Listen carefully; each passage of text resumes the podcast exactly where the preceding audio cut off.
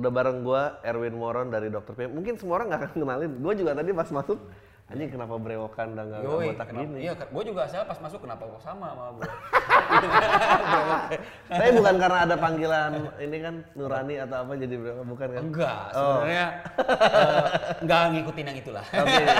gua karena karena brewok itu gue lagi malas cukur aja. Oh. Karena kan bosen, gue berapa hari udah jadi lagi, berapa hari udah jadi lagi kan gitu kan, malas kan? Iya malas malas gua juga malas. Malas banget makanya aduh gila gue harus beli lagi krokan jenggot. Ya udah biarin deh nat naturalnya gitu. Lagian tuh ini bisa ny- nyimpen air kan? Karena lagi ngaco nih soalnya. ini akar soalnya. Bawa balik dong dulu ceritanya bisa sampai jadi vokalisnya Dokter PM. Lu Wah, cerita gila. sempet ngangkat pesta alternatif. Iya, tahun 96 97. Betul. Itu dua album setelah Pesta Rap di Musika itu Pesta Alternatif. Iya. Eh, jadi kebetulan waktu itu Pesta Alternatif itu yang produserin eh, Musika Studio, eh, eksekutif produser Musika Studio, produsernya waktu itu MGT Radio Bandung. Hmm. Jadi band eh, A1 Radio Bandung itu bikin eh, kompilasi album. Nah, dari itu waktu itu gua gua sama kawan-kawan gua di band namanya Insect Band. Itu zaman kuliah bawain bawain apa Smashing Pumpkins, bawain eh, Oasis, bawain eh, President of the USA. Aduh. Lucu banget. Eh, eh, iya, itu itu terus gua bawain bawain bawain band-band yang seperti itu alternatif akhirnya diajakin tuh, "Ih, lu bikin lagu sendiri deh, nanti masukin ke kompilasi. Nah, Akhirnya kita bikin judulnya waktu itu sisa ekspor. Hmm. Kan waktu itu zaman 96 kan sisa ekspor lagi naik tuh. Baju-baju sisa ekspor. Ya baju-baju ini outlet maksudnya. Iya, iya. Acret. Kira akhirnya, apa bikin lagu itu tapi versinya alternatif iseng aja eh diterima ya udah kita kontrak dua album waktu itu studionya di studio Anang eh, hi- studio hijau di Radio Dalam waktu Iya. itu.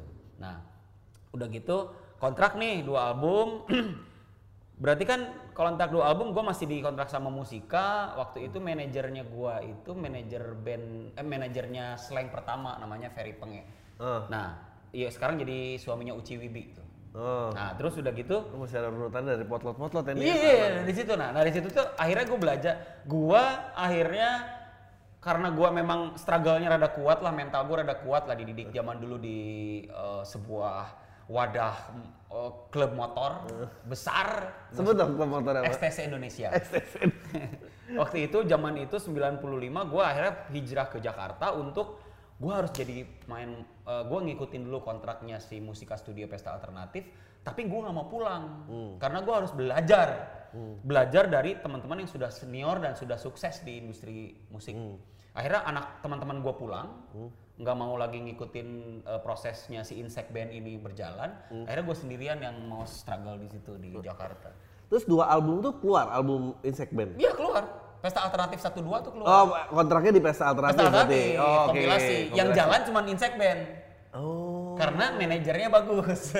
Tapi emang kebanyakan gitu kan, maksudnya pesta rap dulu juga siapa Street Martabak? Iya, Mungkin Sweet Martabak, Yang pasti berjalan si Siapa ya? Siapa? Neo. Iya Neo masih Neo sama jalan. Sweet Martabak sama Sonda Clan. Sonda Clan gitu. Oh iya, iya. ya kan? Street Martabak udah jadi sutradara iklan. Oh gitu ya? Via si Ferry. Oh Ferry, ya benar benar benar benar. Gue sempet kerja bareng. Iya. Nah, maksud gue, gue lagi pengen belajar. Nah kebetulan gue lagi pengen ngebuktiin ke bapak gue yang nyuruh gue jadi akabri. oh ini dia nih. Iya. Relate nih sama anak-anak yang Gen Z gitu, passion gak didukung orang tua. gitu, Iya, gitu kan. ya relate sama itu. Jadi gue nggak didukung untuk bermusik, tapi gue pengen ngebuktiin bahwa gue mau, mau belajar dan gue bawa bawa kontrak Hmm. ke ke rumah. Gue kasih kontrak ini, bahwa gue pengen jadi musisi. Gue tau nggak nilai kontraknya berapa waktu itu menang? Aduh, gue cuma dapat berapa ya waktu itu ya? Eh, aduh lupa lagi eh.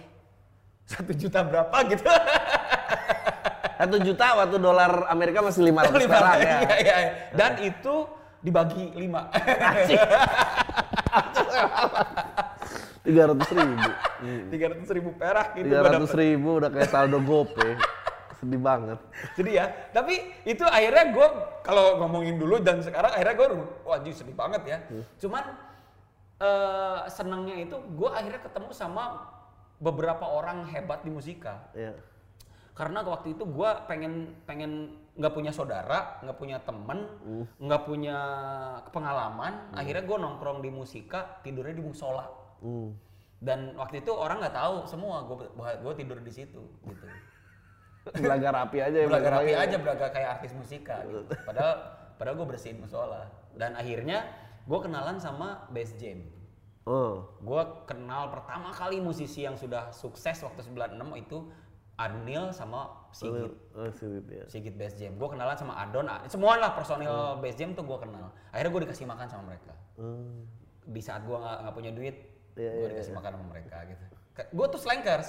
Hmm. Gue tuh slankers. Wah, selingkuh saya makan dari Gue cuma jam. gue cuma nongkrong di slang itu karena nggak bisa masuk kan. Ya. Wah, kartunya ada, masih ada kartu slankers. Cuman gue cuma nongkrong di potlot di gangnya doang kan, karena gue nggak pada kenal. Tapi waktu itu Ferry Penge ngenalin gua waktu zaman waktu zaman drugs lagi rame-ramenya tuh gua ngenalin waktu pertama kali ngenalin ke. PT lagi merebak lah ini. Ya, foto lagi berebak. gua nggak ikutan tuh. Iya. Gua masih rempah-rempah di situ. Nah, cuman pada akhirnya gue belajar dari dua tempat itu tuh, base jam sama potlot. Hmm. Nah, base jam sama potlot karena ada ferry penge, akhirnya gue cuman punya duit beberapa perak untuk pulang ke Bandung aja gitu, ongkos kereta, cuman goceng waktu itu kan ongkos kereta. Nah, terus akhirnya gue simpenin, diselipin di dompet biar nggak kepake. Kalau pulang, kalau pulang lipetan, kan lipetan. lipetan-lipetan paling kecil oh ada goceng beli tiket pulang gitu kan. Kalau lapar gitu lapar banget. Tapi kalau masih bisa struggle gua bantuin beberapa kawan-kawan di musika akhirnya gue dapat makan. Dari situlah itu dulu lah belajar gue dari mereka gimana sih mereka berproses nah dari situlah gue akhirnya gue sempat pulang dulu ke Bandung. Gue istirahat dulu ya. Gue pulang dulu ke Bandung karena gue beresin waktu itu beresin kuliah. Hmm. beresin dulu kuliah sampai tamat terus akhirnya gue jaga studio di studio Ciatel Bandung waktu itu studio almarhum Tommy. Gue ditelepon sama Ferry Penge Win weh bang bang Pei di mana? Gue di Jakarta. Lo mau audisi nggak? Hmm.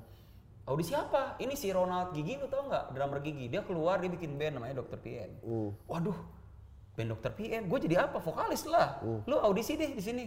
Lu gue kasih tahu ke si Marshall sama Ronald deh gitu. Akhirnya gue datang kan gue dengan bangganya seakan-akan gue bakal dapet gitu. Awalnya tuh seakan-akan gue bakal dapet gue akhirnya pulang minjem duit ke nyokap gue dan minta doa minta doa sun tangan sun kaki. Wah apa gue minta doa gue mau ke Jakarta. Bapak gue nggak ada. Gue cabut duluan. Akhirnya gue cabut dulu kuliah tapi kuliah tapi beresin ya? Iya ya beresin kuliah pasti tapi saya mau audisi di Jakarta. Audisi lah di tempat Marshall waktu itu. Audisi di tempat Marshall bawain lagu Wonderwall Oasis. Bawain lagu Smashing Pump eh Wonderwall kok. Oasis doang deh waktu itu kalau nggak salah. Rambut gua kuning. Terus akhirnya ini siapa yang audisi di PM itu banyak. Band-band vokalis-vokalis di Potlot tuh audisi. Ah. audisi eh, di band Dr. PM waktu itu. Akhirnya kan sainganku banyak. Aduh. Gue modal nekat dan modal yakin bahwa gue bisa. Ca- caranya adalah gue nelponin terus orang-orang itu. Gue teleponin Dani stupid. Mas Dan gimana udah ada kabar belum buat audisinya Marcel gimana udah ada kabar belum Mas buat audisinya Biar diingat. Iya, gue keterima nggak? Saya asik ya, doktrin. Akhirnya pusing kali mereka ini teleponin gue. Jadi gue siapin ko- eh, uang untuk ke wartel, teleponin mereka terus. Wartel bagi yang nggak tahu ya duluan. Mungkin harus jelasin ya ada wartel. Wartel itu kotak, telepon dari Telkom itu dibayar, tiap telepon tuh bayar. Iya. Berapa berapa jam atau berapa menit lo itu lo bayar, gue bayar. Oke. Kalau telepon koin kan lokal nih, Iya, kalau iya. wartel bisa ke Jakarta, bisa ke luar kota. Oh iya bener juga ya. Ya kalau Iya. koinnya nggak bisa. Koin nggak bisa lokal kan? Jarak jauh ya. Iya. ah, Anjing Bandung Jakarta dulu jauh banget rasanya. 5 jam bro naik bis. Eh, naik kereta, naik kereta 4 jam. Iya. Eh, sama sekarang juga tapi naik bis dulu 5 jam 6 jam. Nah terus akhirnya keterima. Apa? Akhirnya karena mungkin mereka ngerasa capek di telepon gua akhirnya nerima. nerima, oke lu ke Jakarta deh. Hah serius mas? Serius? Mungkin gue pusing kali ya.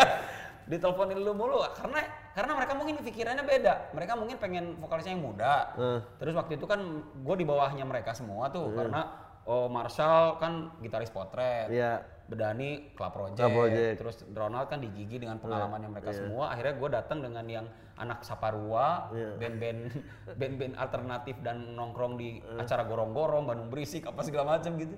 Terus gue datang ke sana yang, lu yakin nggak lu bisa eh, jadi vokalisnya Dr. PM? Gue bilang gue yakin. Hmm. Terus lu bisa ngikutin cara kita nggak? Ya gue harus belajar, gue bilang gitu. Oh, mantap. Akhirnya ya udah lu keterima. Anjir gue panik kan. Hah, keterima serius? Wah itu gue seneng, seakan-akan gue bakal jadi sukses dan se... Padahal belum tahu bahwa itu ada pressure yang lebih kencang daripada Oh, oke. ada pressure gede di situ karena kan gua nggak tahu nih caranya industri itu seperti apa. Akhirnya gue belajar terus sama teman-teman best jam juga. Gimana gua jadi vokalis dokter PA, mah serius? Lu vokalisnya siap? Ronald? Iya, rame lah akhirnya mereka. Gue minta diajarin dong gimana caranya jadi vokalis ke Sigit waktu itu. Akhirnya gue di cara rekaman, uh rekaman tuh pita win gitu.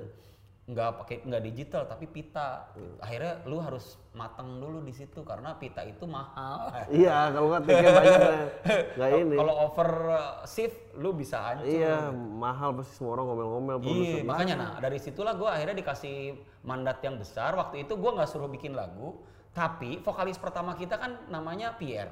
Pierre itu ada masalah troubles, masalah teknis, teknis dan eh, bukan eh, ngilang mulu katanya. Lagi mau ngilang lagi, ya zaman-zaman itu kan banyak yang ngilang. Iya. Ngilang ke mana, tahu lagi surfing, tahu lagi ke mana gitu. itu gak bisa sustain kan, akhirnya bahaya tuh kalau nggak konsisten. Akhirnya di, di dia dikeluarin, gua masuk, tapi gua akhirnya ngeganti lu lah gua langsung rekaman ngeganti lagu yang dinyanyiin sama Pierre album pertama Hmm. pernah mencoba lagu eh, suasana dunia baru eh, eh, lagu-lagu yang sudah di take di take ulang Uh, gila nggak di take ulang ini lu doang tuh yang kerja ya? Iya, Yang lain udah cuma yang lain udah tinggal nunggu- nungguin gua doang, cuman tinggal maki-maki gua doang nih gitu. Nah akhirnya ya eh, akhirnya kita coba, gua coba mempelajari lagu itu dalam waktu singkat. Eh, pressure yang paling gedenya apa? Maksudnya orang-orang itu ngeliat lu Wah gila, pressure yang paling gede mah. dikata-katain apa? Wah bahasa binatang keluar semua. eh lu kalau nggak bisa nyanyi lu balik aja ke Bandung. Anjing. Kok segini doang penyanyi Bandung? Wah gila, gue yang akhirnya sebenarnya gue sampai eh, di musika waktu itu studio gede, terus gue pita itu terus gue sampai mukul-mukul temboknya musika. Gara-gara gue, aduh gila gue gimana cara gue emosi tapi gue nggak bisa nggak bisa ini eh, apa namanya nggak bisa, gue harus belajar, gue harus bisa, gue harus bisa gitu karena gue udah dikontrak. Gue tuh, gue jadi inget lu ngobrol gini sama gue, gue jadi, gue inget banget karena buat gue Ronald sama Thomas tuh dulu duet yang luar biasa banget di Gigi dan pecah Sangat, gitu kan. Terus, sangat. anjing bikin band baru kayak apa nih bandnya? Makanya. Terus yang eh, pada saat video klip pertama pernah mencoba, pernah mencoba pertama kan? Iya, Ya. yang di pom bensin itu. Iya di pom bensin yang sana kan tuh. Semanggi. Semanggi. Ah, depan Arba Jaya udah udah jadi taman. Udah jadi taman. Harusnya ada harusnya gue bikin patok situ tuh. Batu nisan. Itu inspirasi gaya dan tarian dari siapa? Sampai ke situ gua dibahasain binatang tuh sampai ke situ. An- Anti twin banget. Gila. Ya, jadi gini. Eh pertama kali gua berpikir bahwa jadi vokalis band yang legend ini, itu band-band yang orang-orangnya udah udah punya apa namanya eh, kapasitas bermusik yang hebat, gua harus punya ikonik. Oh, oke. Gua pribadi tuh berinfluence akhirnya. Nah, tapi influence pertama gua nggak nggak pakai band orang lain. Yang kedua gua pakai ada rambutnya ke sini Iya. tuh kayak Cool Chamber Iya. waktu itu. Tapi yang pertama yang pertama itu gua nggak mau berinfluence. Yang penting gimana caranya gua harus rada aneh. Iya. Akhirnya gua coba iseng-iseng pakai kerokan jenggot. Hmm. Gua ngerok dulu satu rambut di sini. Waktu itu botak rambut gua, terus gua kerok satu. Serak kerok sendirian, men. Makanya nggak sampai belakang kan. Kerok kerok. Oh, iya. iya kan? Wah, asik juga nih. Satu lagi sebelah sini, men. Kerok lagi, terus gua, wah asik juga nih dua. Gua bentuk ah, gua bentuk. Tat, gua ngekos waktu ini setiap budi tuh. Gua kerok, kerok. Wah, asik tuh. Tambahin, tambahin, tambahin. Jadi banyak semua. itu gua. itu gua pas itu waktu mau pemotretan, men Heeh. karena nggak punya baju kan anjir akhirnya gue minjem ke teman kosan eh minjem baju dong gue mau pemotretan karena gue baju gue cuma kaos doang gitu kan nggak punya baju yang eh, branded gitu sementara mereka juga nggak pakai yang branded sih gue nggak tahu ya karena gue saking appreciate-nya kan. Wah gue mau pemotretan album pertama. Datang itu gue ngetes mental men. Jalan di Jakarta gue waktu itu lewat ke SMA 3 Setiabudi itu. Beri, eh. tepuk tanganin gua, weh orang gila. Karena rambut gua kerok-kerok, men. Aji, dan, dan itu nggak tahu kan orang nggak tahu itu siapa. Iya. siapa sih orang gitu? Gue jalan dengan cueknya itu diliatin dari ujung rambut gue ngeliatin. Terus gue kelihatan tuh pas gue lihat karena mata kan cembung gue ini anjir masih ngeliatin gue tangan weh gitu. Anak SMA gue harus kuat mental man datang ke studio waktu itu lupa studio di mana. Emir sama Mehmet waktu itu yang bikin logonya sih sama covernya eh, PM tuh. Udah gitu gue di foto gue di lu ngapain Ronald lu ngapain rambut lu gitu-gitu akhirnya iya ini ini ide gue tapi kita coba dulu deh itu nggak ada senyum semua Oh semua tuh bete. bete Oh, gue kira gaya lo gitu didukung semua Enggak orang. bete, men. Bete. itu pressure tuh dari situ. Selain take vokal itu juga ada pressure, gila loh. Bete. Serius. Jadi mereka ngarepin tadi waktu itu awalnya lu biasa-biasa aja. biasa aja kayak vokalisnya siapa ya waktu itu? Eh ah, pokoknya vokalis yang biasa aja deh gitu. Iya. Karena lagunya menurut mereka ini kan progresif gitu. Iya kan? Oh. Bukan rock, ini pop. Tapi ini happy accident juga ya maksudnya. Ya maksudnya awalnya kan anjis nih Cik lucu banget. nih ngaco nih band gua jadi ngaco nih gara-gara nih orang. Anak- Tapi anak kecil satu. Iya, dikasih kesempatan foto deh. Walaupun mereka yang senyum di foto itu cuma Marsal kan? Karena dia orangnya asik gitu. Maksudnya santai aja. Ya Ronald tuh baliknya ke sini tuh. Gua nggak ngelihat nggak oke. Akhirnya ikut aja deh jalan. Oke. Jadilah foto itu kan cover beres sendirian udah udah jadilah cover itu kan panjang tuh ada yang sendiri sendiri Iya, thanks iya, to iya. apa kan terus dulu berapa lipat gitu kan cover tuh. Berapa lipat nah, akhirnya jalan nih. Jalan biasa udah beres single keluar. Single ra- radio eh, suasana yang dibikinin klip eh, yang dibikinin klip eh, pernah mencoba. Akhirnya yang bikin klip pertama adalah Planet Design Indonesia. Hmm. Aulek Sanca Bahtiar sama Taba sama Mas Tiro waktu itu. Keluarga Sanca Bahtiar semua. Oke akhirnya dapat meeting sama Hedi Hedi Suryawan waktu itu yang jadi orang artnya nah udah masuk meeting idenya pom bensin dari Olek Hmm. waktu di, di Warner waktu itu Warner masih di Mangga Dua Hmm.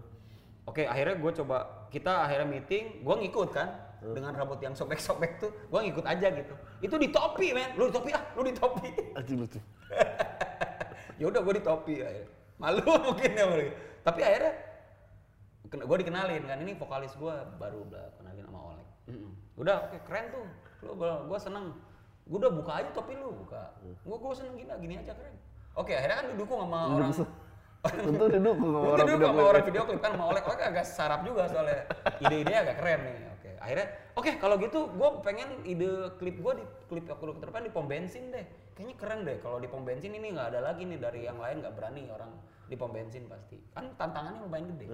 Kebakaran film klip termahal kan? Iya kan film termahal kalau kebakaran tuh.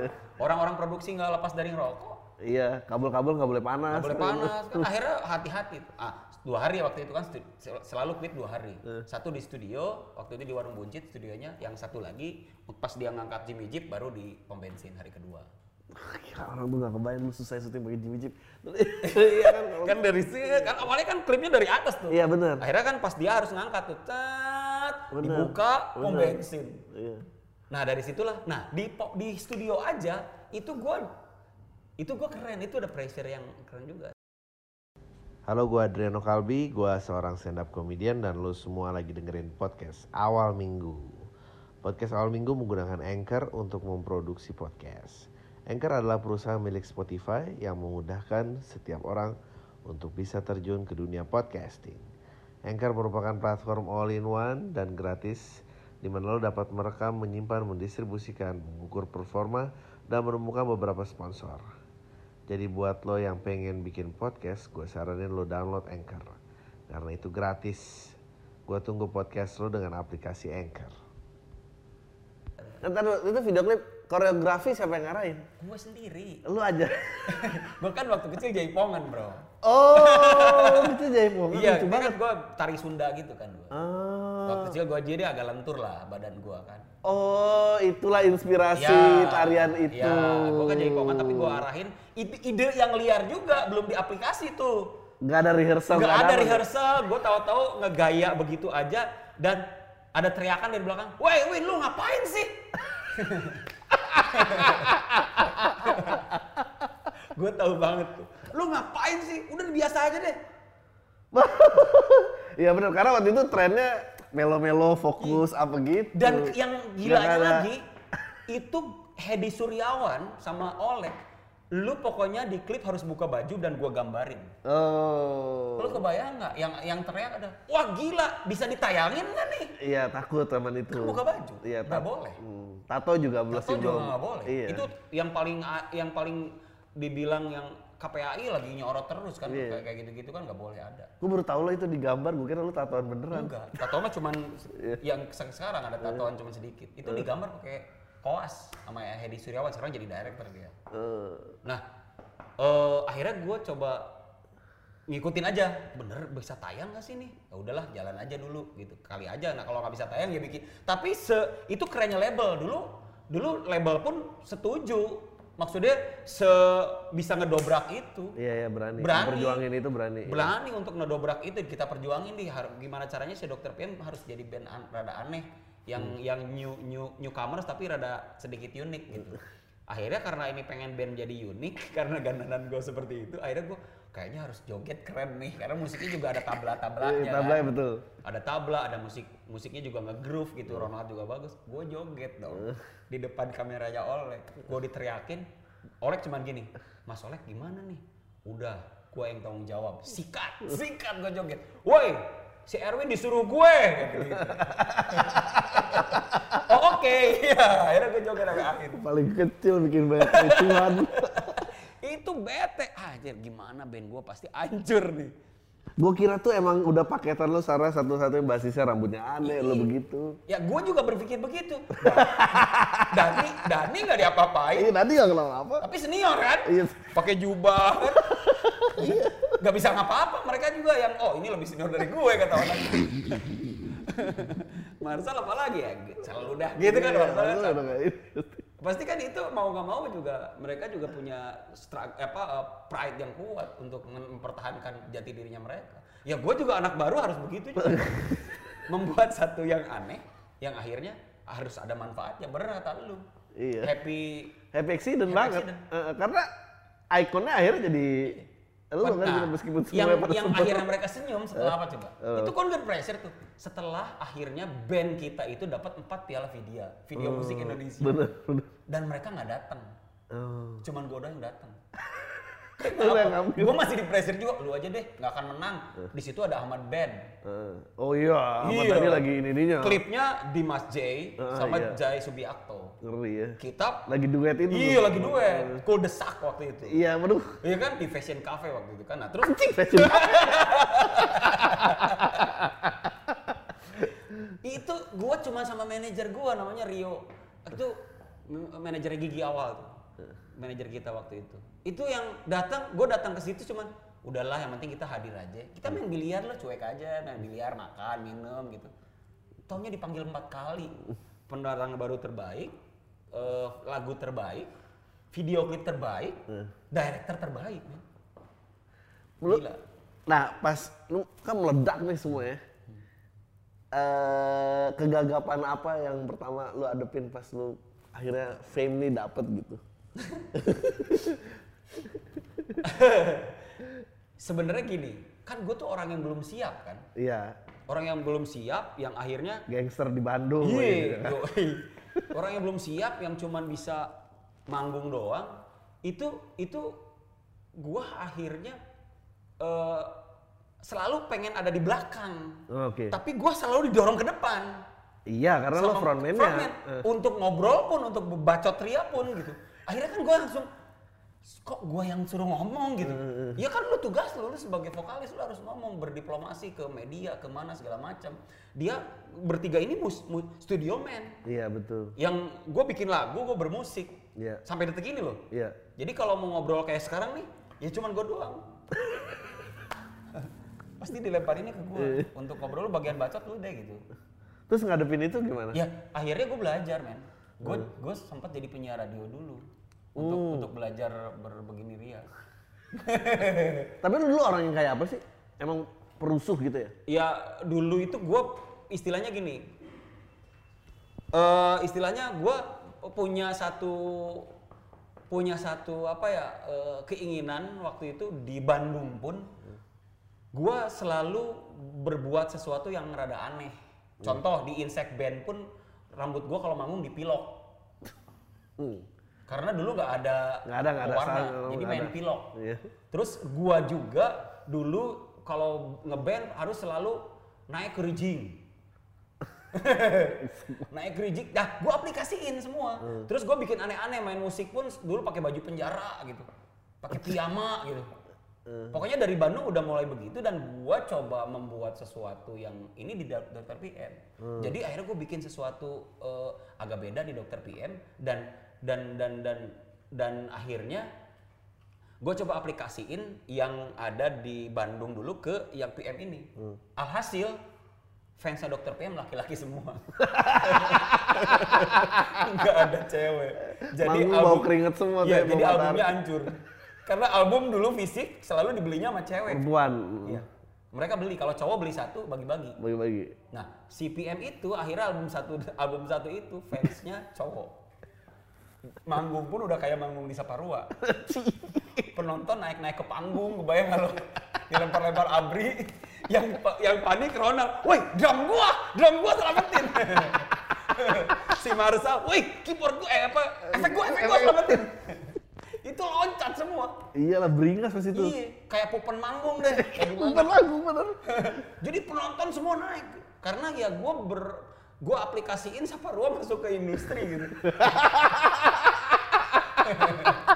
Jadi itulah akhirnya daripada gue gagap, Iya Bener. benar benar benar. benar. mendingan gue santai aja. Bang. Daripada lu so ibu kota So lebih ibu kota. lebih nggak Iya keterima nggak? lagi benar benar. Jadi kok jadi gue nggak mungkin bisa nyaingin Gigi waktu itu kalau Nggak aneh. Nggak bisa nyaingin Riff karena kan waktu itu rilisnya Riff Riff- album Riff. Riff single baru. Betul. Gigi single baru. Iya. Pas band single baru. Nah, Bandung semua tuh ya. Bandung enggak eh, iya iya ya, Bandung iya Bandung semua tuh. Eh, eh, Gigi kan Arman doang yang Bandung. Oh, iya, oh, iya, iya, bener. Thomas doang sama Arman waktu itu. Nah, dulu akhirnya kan gue baru, baru pikir anjir, gue harus bersaing dengan mereka. Karena ada Ronald di situ. Bebannya berat kalau Ronald turun. Image-nya dia juga gue masih sayang, gue sayang sama mereka. Iya nih. benar benar. benar. Akhirnya gue coba bikin yang aneh-aneh, akhirnya vokal-vokal ini gue dilihat juga sama wartawan, sama iya. media. Wih ini vokalis dokter PM, gila nih anak kecil nih gitu.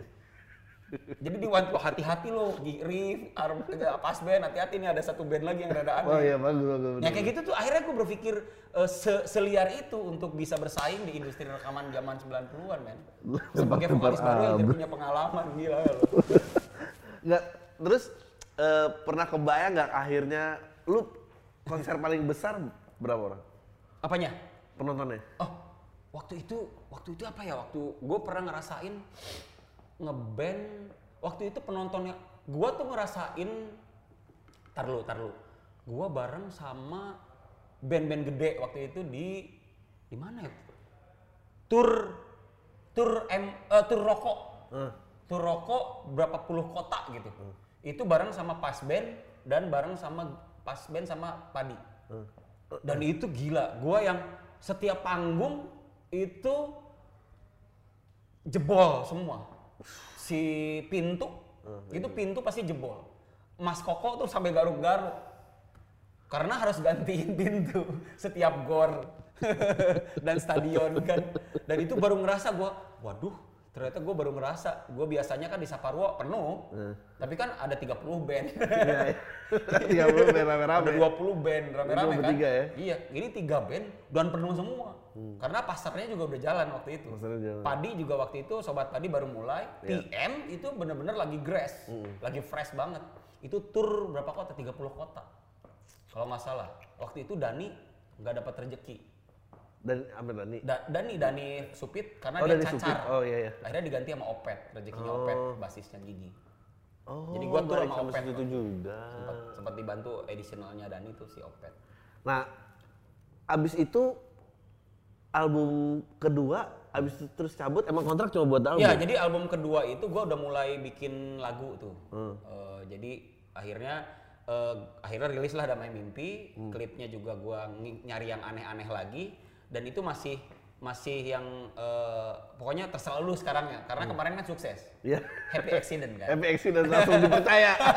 saya album kedua terserah lu deh. Dan dan kayak gimana gitu. akhirnya gue dapat akhirnya gue dapat cool chamber. Ah gue bikin eh, kayak ikan lele dua biji iya. udah. Akhirnya gue bikinin klip itu dan mereka oke oke aja oke oke jalan dan akhirnya lumayan lah. Lumayan. Mang- manggungnya juga masih lumayan panjang banyak albumnya naik level level karena lagunya juga lagu pelan waktu itu. Akhirnya ada pembeli cewek. Karena lagunya pelan. Nggak mau gua label pengen lagu yang pelan album kedua. Ya udah dapet ada pet! Gila pet.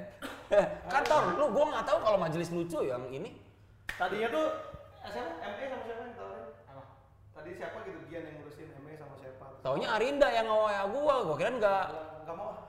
Ini eh, dokter PM kalau dokter PM gue mau kan barter. Nah, kondisinya, kondisinya si itu apa? Kalau PM itu pasti eh udahlah masalah bacot pasti gua doang, anak-anak pasti nyuruhnya gua.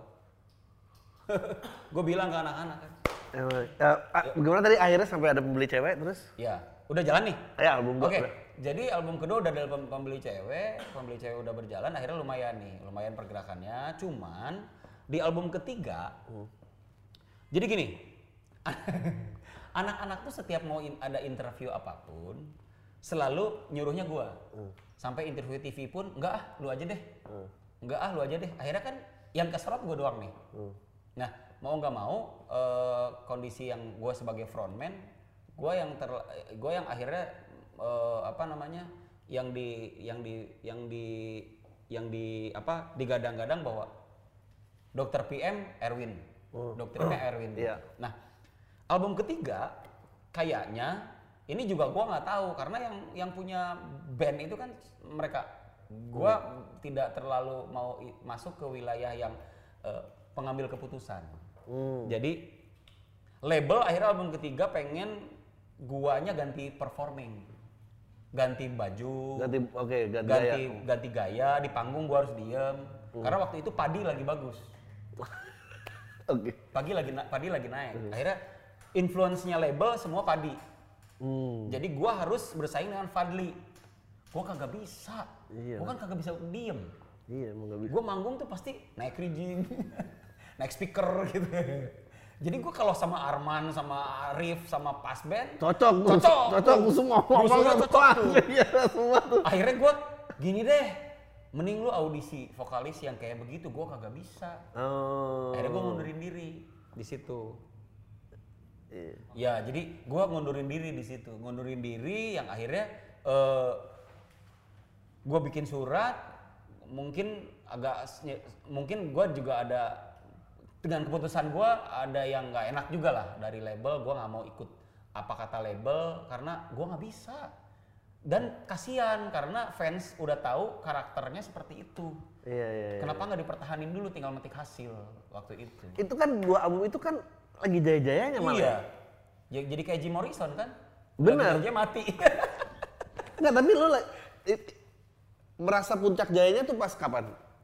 Sebenarnya gini, Dari album gua tinggal album ketiga baru puncak jayanya keluar tuh di situ. Oh, jadi kayak Jangan. udah udah mau berbuah nih. Udah ya? mau berbuah, ini gua harus harus mundurin diri. Oh. Keputusan gua memang bikin semua nggak enak sih. Cuman kalau gua gua mau berstatement, gua nggak bisa manggung diem tuh nggak bisa.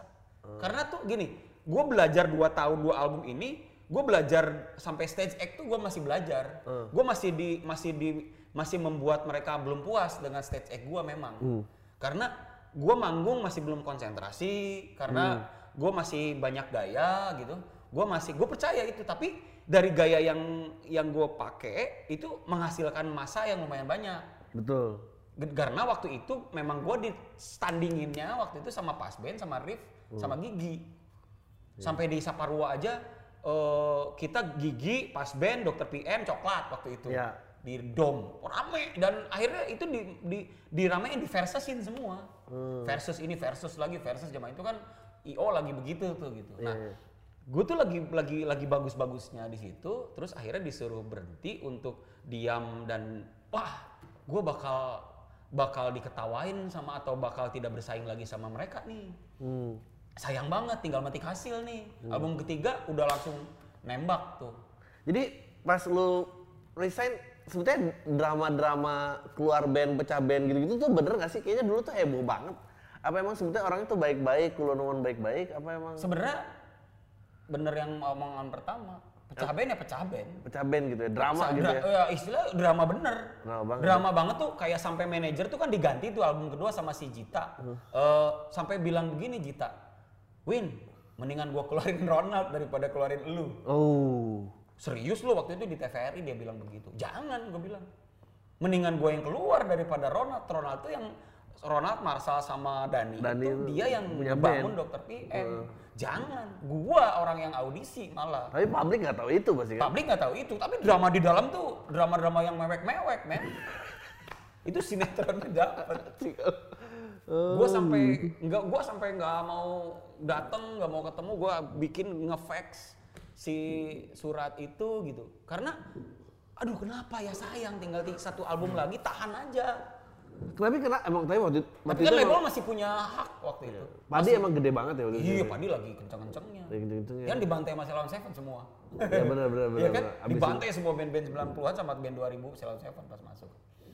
Ya, well, dia 98 ya kalau nggak salah Siapa? album pertama. Seven Seven. Enggak, 2000. Kita kita 99 eh, 2000 ya, 2000 ya. 98 sama gua. Nah, waktu itu Padi 99. Benar, ya India 99 Padi habis itu 99 2000. naik, 2000 dia head to head dengan Ceylon Seven. Ya. Nah, Padi duluan, Sela lagi dibikin tuh sama Sony. Jadi gua langsung gua, itu album ketiga seharusnya tinggal nunggu.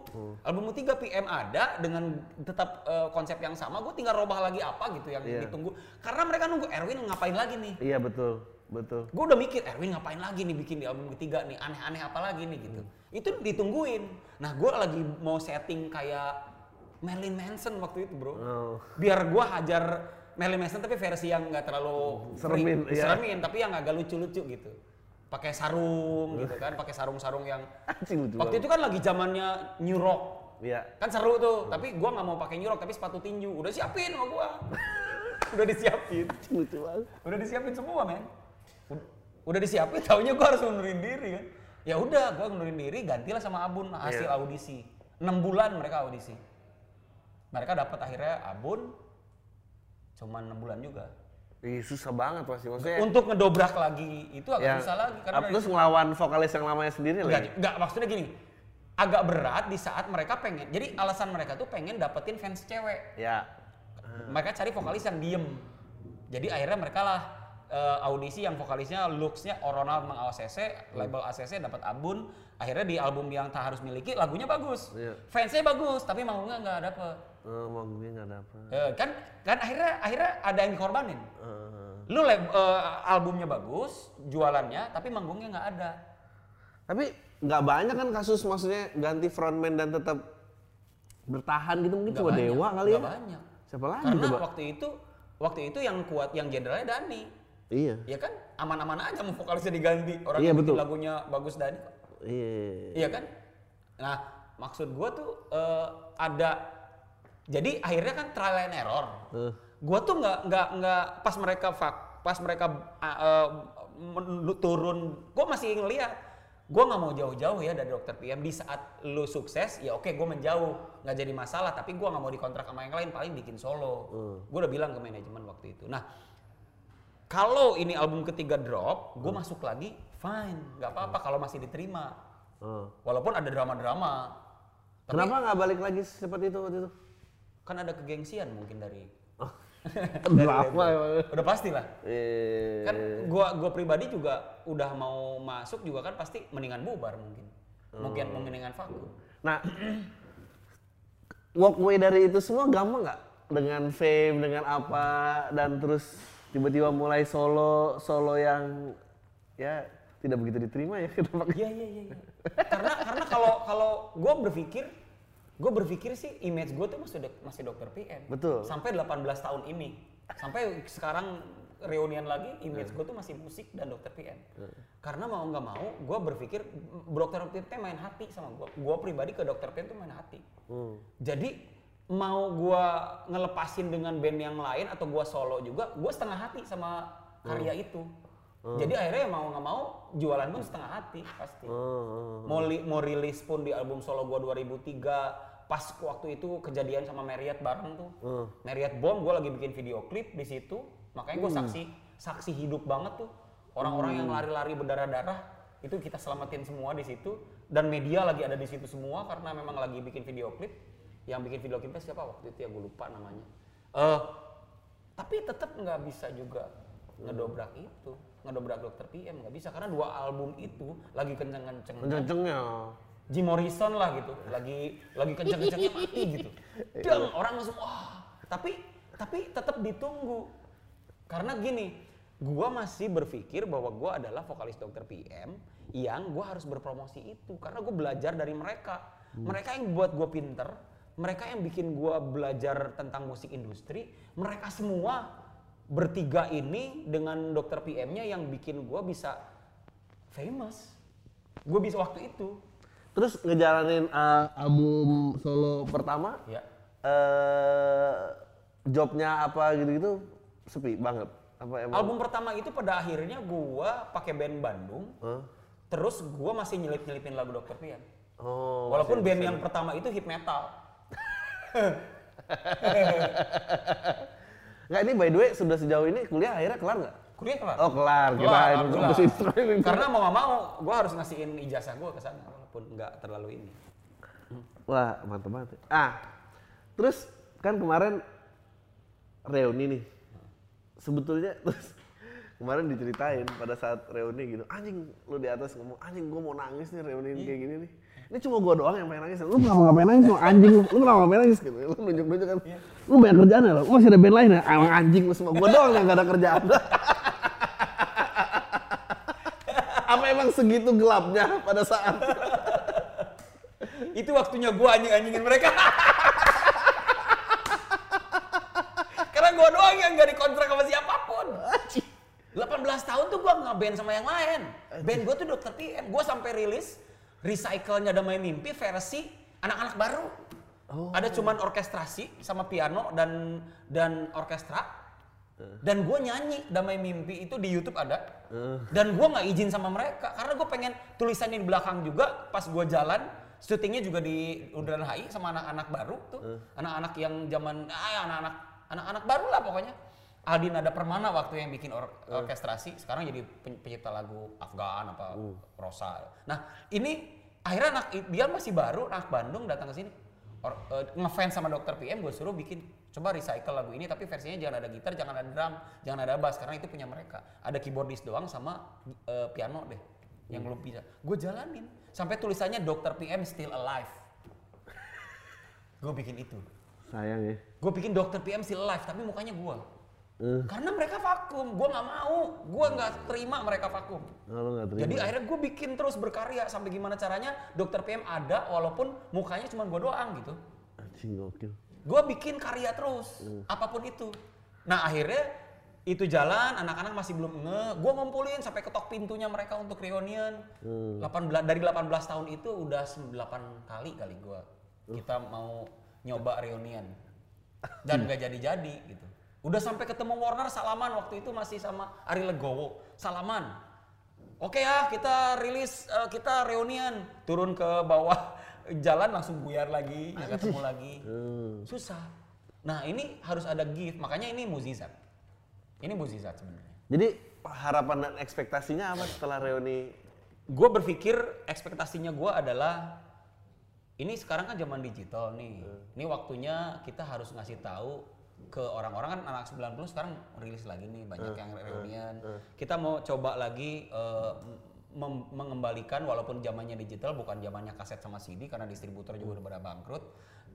gue pengen dari digital eh, apa namanya digital platform atau bisnis digital juga di sini minimal anak-anak 90 ngasih tahu ke yang baru bahwa lu kalau mau bikin musik dengan eksistensinya kita harus kasih contoh ke mereka. Oh, oke. minimal seperti itu dulu deh. Ada regenerasi yang sekarang ada walaupun mereka sudah jadi youtubers kenceng udah cover cover lagu dengan subscribe dan viewers yang bagus tapi mereka nggak punya kebanggaan karya sendiri.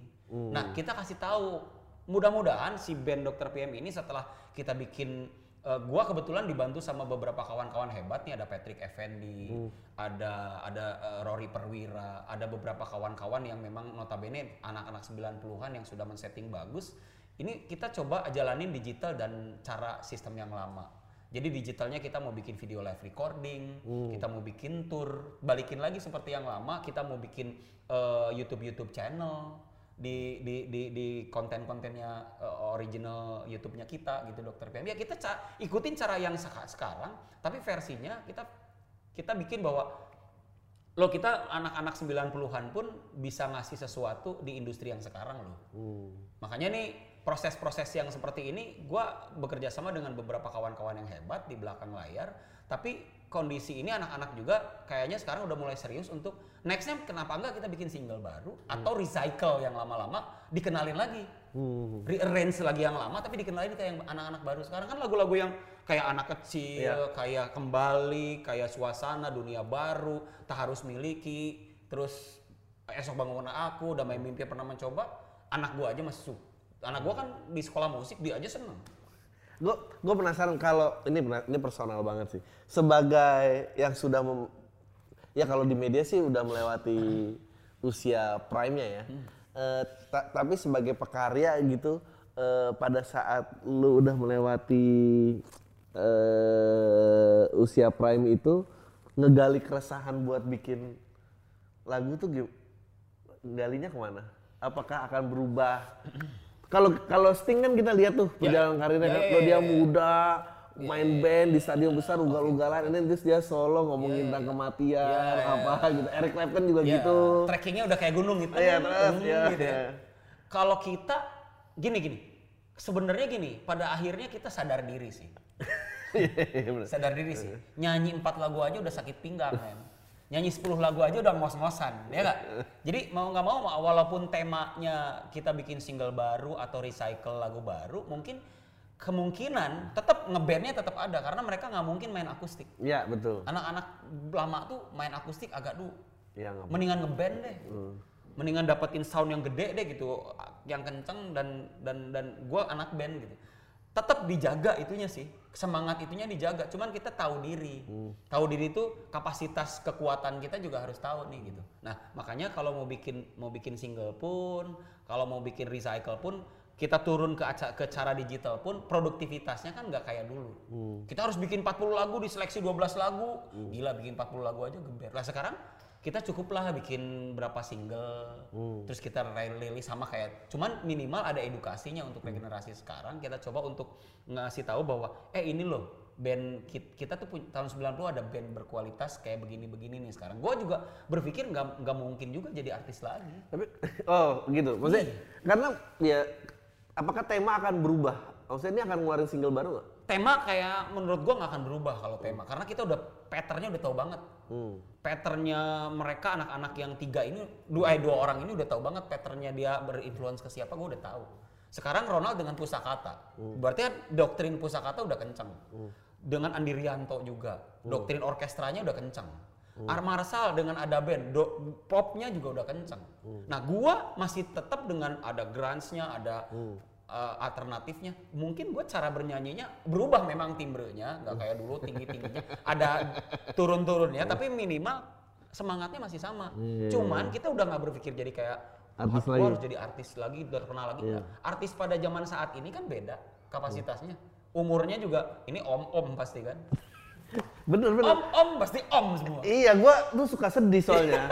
Kalau yang masih kayak niat banget gitu, kayak terus malah nyakitin, lu ngapain sih lu kita gini? harus tahu diri mending yang muda-muda kita dorong untuk untuk gua doktrin musik yang dokter PM Ya bener bener. ya kan kita tetap jadi pembinanya mereka gitu Waktu eh, Aerosmith dia dapat second comeback dengan soundtrack Emergency, Emergency juga itu kan kecelakaan Iya. aja. Coba kalau dia masih kalau anjing ngapain sih lu gimana? Iya. Kesel. iya nah makanya kita, gua priba- kita pribadi mungkin akan akan berpikir udahlah kita jalan aja dengan lagu-lagu yang ada dulu dan manggung dulu Iya. yang ada di pikiran gua harus nabung hari tua Iya kan?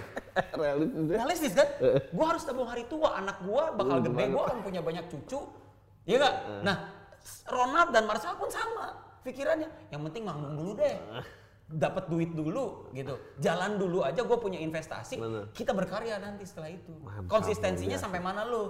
Bener, konsistensi sih kuncinya memang. Konsistensi kuncinya mau nggak mau. Lu yang 90-an mau ngapain lagi? Mau rilis-rilis lagi sekarang? Tabungan hari tua, Bro. ya nggak lo? Iya? Jadi terakhir lu di, di 90s festival pengen ngapain? Oh, oke. Eh, gua itu mungkin pengen jaipongan. gua pengen benerin badan gua dulu. Ah, Iya benar benar benar. Iya. Tua boleh, Gua tapi malu-malu jangan. Gua. Waktu reuni kayak gini Gua buka baju ya. Suruh, eh Marcel suruh buka-buka baju aja. Emang bener lo mau buka baju? Wah, tapi gua orang gila, orang gila mah bebas ya Ya, bebas. Tapi gue jijik bro, gue sadar diri men gitu. Gue pengen buka baju sebenarnya. Gue tetap dua lagu aja gue gerah. Gerah. Dari dulu tuh gue nyanyi kedua lagu udah gerah gitu. Sama kayak kakak lah, kakak juga udah dua lagu udah "Oh, pasti buka baju. tuh. Tapi kakak badannya bagus. Keren gitu.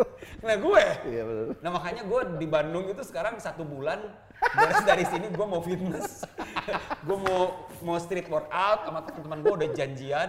Ini bulan bulan bulan November awal bulan November tuh gue harus berhenti dari semua kegiatan-kegiatan yang kecuali yang sama band, tapi gue harus olahraga. Mantap, mantap. Jadi Ini ya, udah, ini udah turun nih berat gue nih. ini udah lumayan nih. Kemarin nggak bisa begini, sekarang udah bisa nih. Ya kan?